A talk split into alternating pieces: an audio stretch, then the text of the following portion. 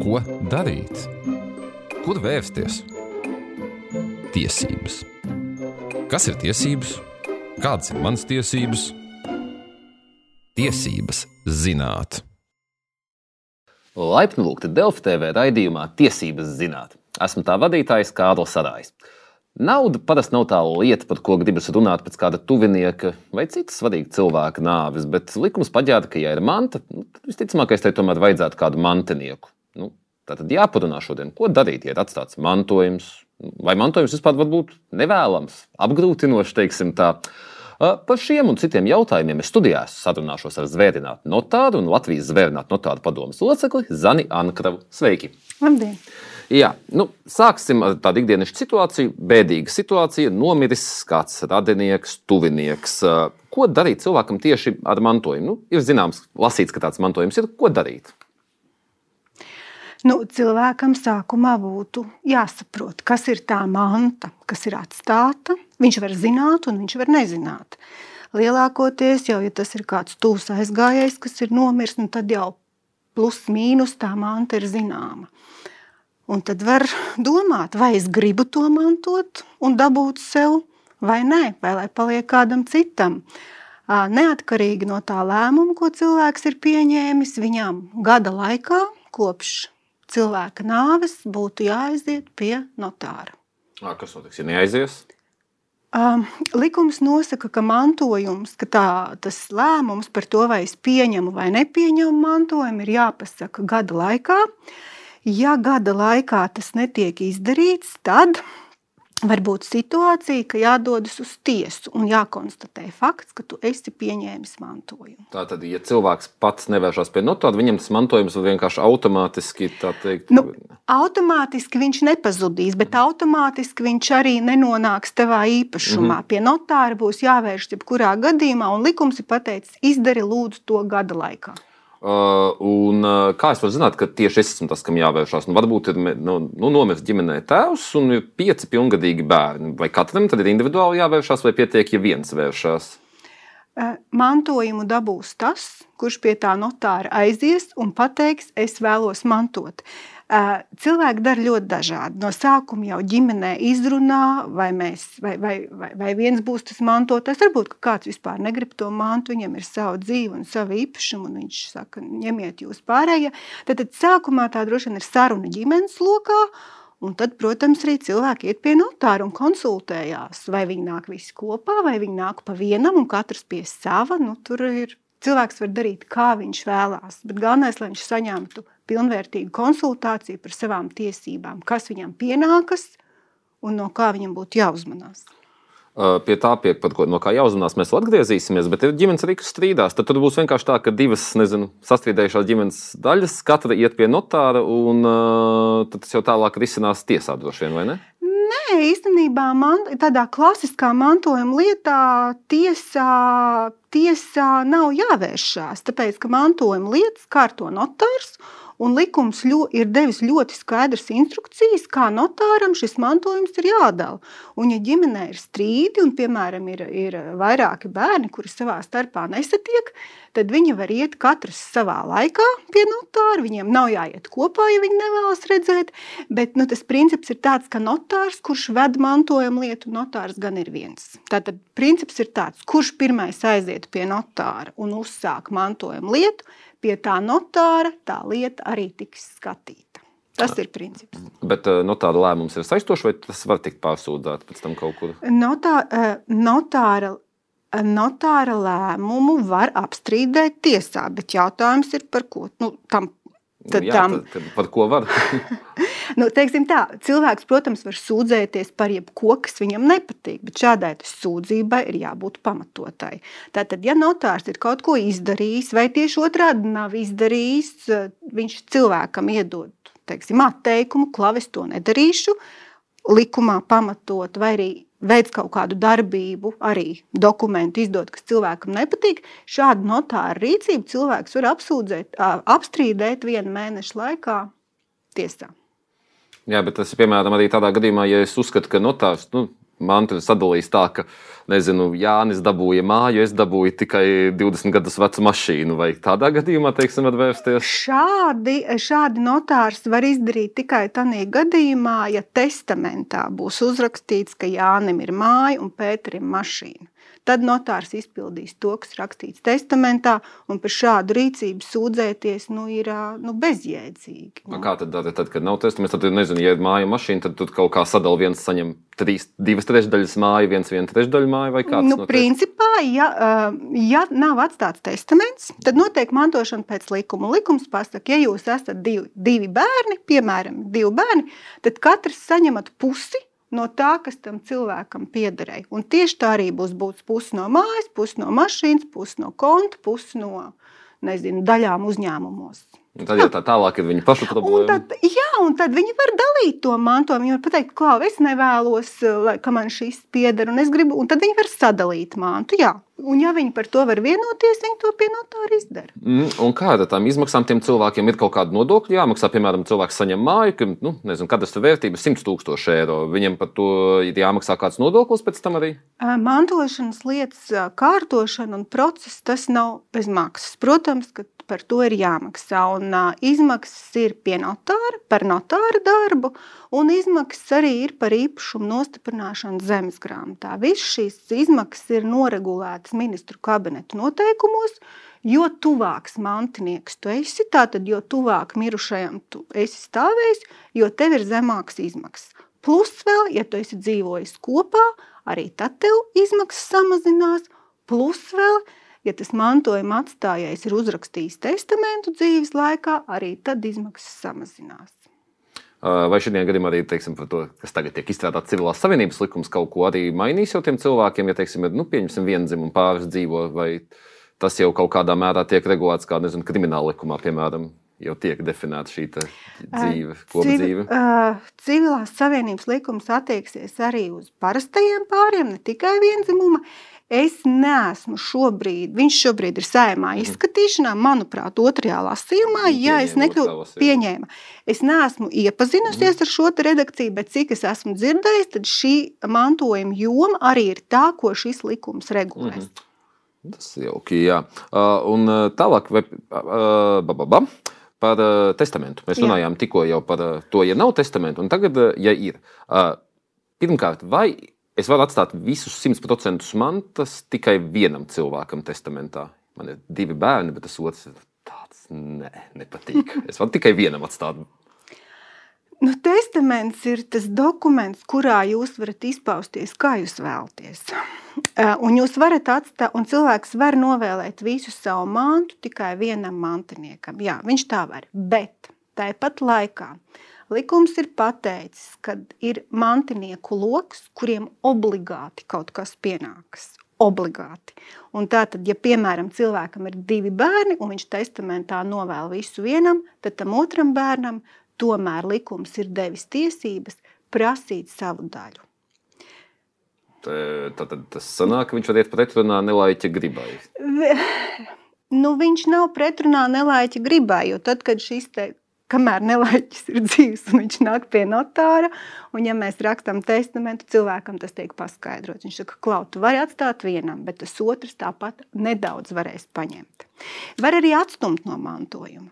Var iz, ja tas otrs mantinieks ir vedis tādu dzīvesveidu, likums, kuru likums ir nodefinējis kā nepieņemamu un, un ne, nepieņemamu, Nu, tur ir vesels uzskaitījums, ka, kam ir jābūt, kam, kas viņam slikts ir jāizdara, tad viņu var atstumt no mantojuma. Un tad gan viņš neko nedabū. Mm -hmm. Bet eh, vai šo atstumšanu tad sanāk var apstrīdēt? Arī? Atstumšanu var apstrīdēt, un viņas tiesā tiek arī apstrīdētas. Mm -hmm. Un tālāk par to, gan tas, šis jautājums attiecas gan uz testamentu, atstātu mantu, gan bez testamenta. Vai tai mantai var būt piesieti kādi striķīši, vai varbūt tā, ka es pats esmu nelaimīgs to mantojumu saņemot parādi, vai kas tāds, nu, prot, vai es varu mantot parādu?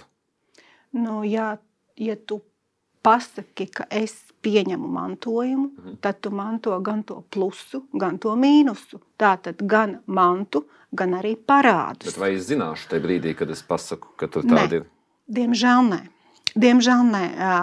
Tas, tā likums ir uzbūvēts tādā veidā, ka tev tiek dots termiņš pieteikties uz mantojumu, bet tieši tāds pats termiņš tiek dots arī kreditoriem. Tātad tiem, kuriem tas mantojuma atstājējs bija parādā.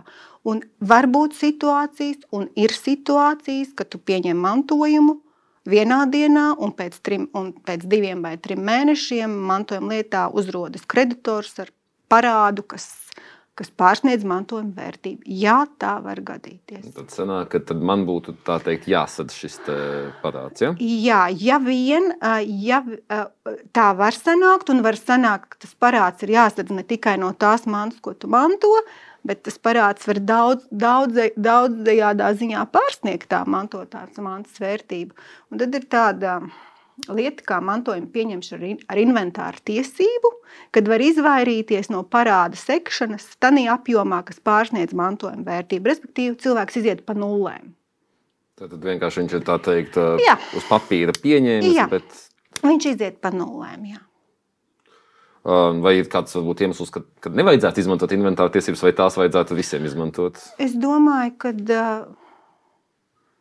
tā vienmēr ir drošāk.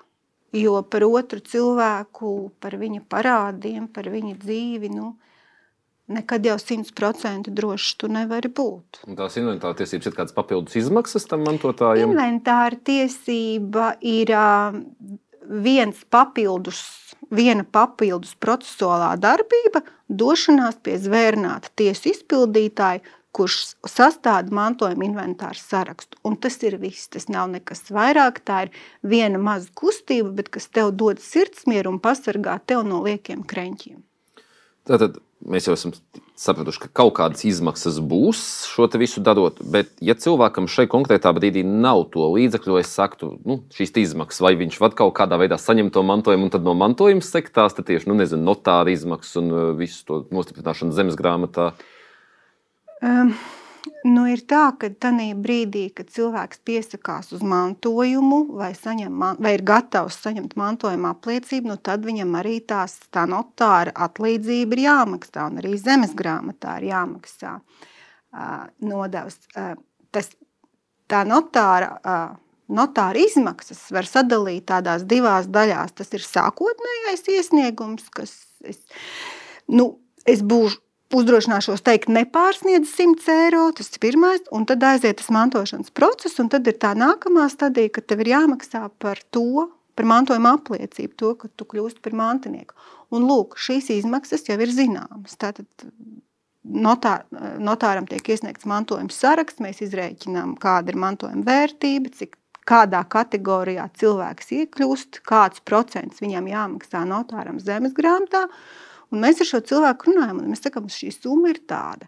Un tad jau viņš var saprast, kurā brīdī viņa budžets ir paredzēts šajām izmaksām. Viņš vienkārši nenāk pie notāra. Viņš kamēr viņš nav teiksim, saplānojis savu budžetu mantojumu pabeigšanai, viņš pie notāra nu, negriežas. Cik ilgs laiks cilvēkam ir šādai budžeta saplānošanai? Šobrīd likums nenosaka. Tad var kaut vai pēc desmit gadiem atnākt sakrājas naudu? Tad... Nu, nu, hipotētiski. Hipotētiski jā, hipotētiski jā. Vienkārši, kam, bet kamēr tu nesakārto lietu, tu neesi, tu neesi īpašnieks. Mm -hmm. Jā. Uh, un, uh, kas notiek, ja manto nepilngadīgie? Jo arī tādas situācijas gadās, gan ir arī skaļas lietas, tādas mm. bijušas. Kas tad tieši notiek, ja manto pat bez testamenta, bet vienkārši kā mantinieks paliek nepilngadīgais? Tikko lietā parādās nepilngadīgie, tā lietā obligāti iesaistās gan bāriņties, gan tiesas izpildītājs. Tad likums pasaka, ka, ja ir nepilngadīgais, tad to gribu jāmantoju vai nē, nemantoju tā nepilngadīgā, nezinu, vecāka dzīvi palikušiem vecākam vai kādam citam aizbildnim, tas ir jāsaskaņo ar bāriņtiesu. Bāriņties ir tā, kas pieņem lēmumu un izvērtē, vai nu mamma vai tēvs darbojās bērni interesēs. Nu, bet eh, tie ir tādi hipotētiski, ka ja tam nepilngadīgiem ir 17 gadi, vai viņš kaut kā var to gadu novilkt, tad viņš pats varēs pieņemt lēmumu, vai tas lēmums tā vai tā arī 17 gadu vecumā tiks pieņemts. Nu, faktiski bez viņa gribas. Nu, es, se, 17 gadi jau ir, tā, ir tas vecums, kad bērntiesa aicina nepilngadīgos un lūdz izteikt, izteikt šo viedokli par to, vai viņš vēlas mantot vai nē. Bet, nu, kamēr tev nav 18, tavā vietā tevi pārstāv mamma vai tēvs, un tā bērntiesa tur iesaistās. Nu, mm. Tā ir. Uh, un vēl tādas situācijas dzīves, uh, dzīvo cilvēki, nu, terminā, kas Latvijā nav likumā, nu, definēts civillaulība. Tas, uh, un partneris nomirst. Vai tas civillaulībā esošais partneris var cerēt kaut ko saņemt, ja nav testaments vai Nē. nu, tu? Nē. Nē. Ne, un no tās ilūzijas cilvēkiem ir jāatvadās. Ja nav testaments, tu neko nedabūsi. Viss. Punkts. Un, ja, piemēram, ir bērns, kas nav, ja teiksim, bērns no iepriekšējām attiecībām, tad arī tas bērns neko nedabūs no faktiskā tēva, kaut, nu, kurš Nē, bērns, dab, bērns manto no bioloģiskā, no tā tēva, kas viņam ir ierakstīts dzimšanas apliecībā, kā tēvs. Mm -hmm. Un tad, tad, ko var darīt šādi cilvēki, kas ir tajā civilaulībā, lai viņi varētu teiksim, nodrošināties, kas saņems kaut ko testamentu rakstīt? Tas, ko, tas, ko, tas, ko cilvēki dara, un tie ir gan, gan par ko mēs iepriekš runājām, gan vienzimumu pāri, gan arī pāri, kas mm, nestājas laulībā, viņi var, viņi var rakstīt vai nu testamentu, kurā savstarpēji ieceļ viens otru par mantu, mantinieku, vai arī mantojumu līgumu. Ar ko tas atšķirās? Mm, tas atšķirās ar tiesībām atkāpties no, no, no sevis parakstītā. Tātad testaments ir vienpusējs darījums. Šodien gribu tā, rīt gribu savādāk. Mani nekas nesaista. Mantojuma līgums ir divpusējs darījums. Mēs abi viņu noslēdzam. Es esmu mantinieks, tu esi mantojuma atstājējs. Un vienpusēji no šī līguma atkāpties nevar. Kā, tas ir drošāk tam, kurš to mantu vēlas. Jā. Mm -hmm. uh, kas vispār teiksim, notiek ar to mantu, naudu, kura neviens nepiesakās, neviens neizņem? Nu, kas ar to notiek? Nu, tā viņi tur bankā guļ. nu, bankas tad, vienkār, tad viņi tad vienkārši gadiem stāvēt, vai viņi kaut kādā brīdī arī valstī, piemēram, aiziet? Uh, viņa val, uh, tātad, uh, kā mēs sākumā runājām, automātiski nenotiek nekas. Tā tā nauda tur bankā guļ, un kamēr vien nebūs kāds uh, persona, fiziska vai juridiska, kas nesāks mantošanas procesu, tikmēr tā nauda tur būs. Valstī nauda, nauda vai cita manta aizies tajā brīdī, kad pie notāra būs uzsākts mantošanas process, kad nepieteiksies neviens mantinieks un notārs izdos dokumentu, kurā atzīst, ka šī manta piekrīt valstī. Tad hipotētiski arī pēc, nezinu, pēc desmit gadiem var atcerēties, ka kaut kāds attēls radinieks ir miris, kurš uz kura manta neviens nav pieteicies un pieteikties. Tā, tā sanāk? Teorētiski, jā. Hm. Teorētiski, jā. Uh, un uh, tālāk es gribētu zināt arī par to, vai ir kaut kāda daļa, kas man obligāti ir jāatstāj. Nu, tā, es esmu lasījis likumā terminu neatraidāmies, un tur ir kaut kādas daļas, tad sanā, ir cik, cik ir tās daļas un kā to tas viss notiek. Vispār. Tas, par ko mēs runājām, vai var atstāt tikai Jā, vienam un otram? Nē, tieši, tas, pateikšu, neatņemamā daļa ir puse no tā, kas tev pienāktos pēc likuma. Tātad, ja ir divi bērni, teiksim, ir tikai divi bērni, tad, tad pēc likuma katram pienāks puse. Un tā neatņemamā daļa tā tad ir puse no puses, viena ceturtā. Ja, piemēram, ir divi bērni un laulātā, tad katram pienāks viena trešā. Un tad tā neatņemamā ir viena sestā. Nu, tā matemātika ļoti vienkārša. Mm -hmm. Mm -hmm. Un uh, par to mantojumu pieņemšanu vēl. Uh, tajā procesā cik, cik ļoti cilvēks var ticēt tam, ko viņam ir teicis tas radinieks. Nu, tajā tieši par tiem parādiem mēs jau visu laiku runājam, bet tā ir tāda, ko es lasu dažādas internetu fórumus, un tā ir ļoti bieža bēda tur. Un cik ļoti var ticēt cilvēkam, un vai tā inventāra lieta vienmēr varēs uzrādīt tos parādus? Inventāra lietā parādi neparādīsies. Mm. Inventāra lietā tev parādīsies tikai plusi, aktīvi, manta. Parādi parādīsies tajā brīdī, kad kreditors griežas pie notāra un saka, klau, šis cilvēks man bija parādā, un notārs pieregistrē šo. Nu, tad, kad paies, tad, kad paies tas notāra noteiktais termiņš mantojuma pieņemšanai, tad mēs arī to bilanci redzēsim, cik kreditori būs pieteikušies, tik būs. Vēlāk viņi pieteikties nevar. Mm -hmm. Un kas notiek ar mantu, kas ir kaut kādā nezinu, tiesas procesā ierauta? Piemēram, nezinu, ir veikals, par kuru īpašuma tiesībām notiek tiesvedība vai nu, kaut kādām īres tiesībām kaut ko. un tas ir atstāts mantojumā arī. Mm -hmm. Kas tad notiek? Nu, tad, kad iztiesāsies, tad sapratīs, kam tas pieder. Un, ja, ties, un, ja procesa beigās sanāks, ka tā manta uh, pie, ka, tai, ka tam mirušajam būtu bijušas tiesības uz to mantu, tad mantinieks viņu saņems. Jo mantojumā iekļaujas ne tikai šīs fiziskās, ķermeniskās lietas, tās arī tiesības uz kaut ko tiesības prasīt, piemēram, aizdevumu atmaksu, ja? tiesības prasīt kaut kāda līguma noreģistrāciju zemes grāmatā. Teorētiski, manam mirušajam opītam bija parādā kāds desmit tūkstoši, es varu pār, protams, pārņemt tās tiesības. Tieši tā. Tieši tā, tikai jums ir jāzina, ka tāda saistība ir un tam līgumam ir jābūt. Jā. Mm, bet tā uz beigām virzoties, kā es pat varu uzzināt, ka esmu kaut ko mantojis? Vai man kāds, neviens man nemeklēs, es tā saprotu no mūsu sarunas? Nebūs man tā, ka es atnākšu, man būs pavēsta, kur pasakā, ka es kļūšu par miljonāru. Nē, tā, tā gluži nebūs. Tāpēc, ka tas mantošanas process tomēr ir tāds, ka nu, tā tava iesaiste, nu, viņai ir jābūt. Ja tam mantiniekam, nu, ja viņš grib mantot, viņam pašam ir jābūt nedaudz aktīvam. Likums gan nosaka, ka tad, kad atnāk tas pirmais mantinieks pie notāra, viņam ir jāsniedz ziņas arī par pārējiem. Vārds, uzvārds, kur dzīvo. Un tad notārs tiem pārējiem nosūta. Klau ir tāda lieta, lūdzu, pasaki, ko tu gribi pieņemt vai nē. Tas ir viens veids, kā tu vari uzzināt. Otrs veids, protams, ir vēstnesis.lv, Latvijas oficiālais mēdījis, kur tiek publicēta informācija par mantojumiem. Bet, bet nu, jāsaprot viena, tevi nemeklēs. Tev pašam ir jābūt aktīvam, un ja tu zini, kad ir miris kāds cilvēks, no kā tu varbūt varētu saņemt mantojumu, nu, tad pašam ir jāpainteresējās. Jā. Mm -hmm. Un tas cilvēks, kuram ir tas pirmais mantotājs, kam ir kurš piesakās, kam ir kā būtu jāiesniedz, viņš taču nevar zināt visus, kas tur varētu būt.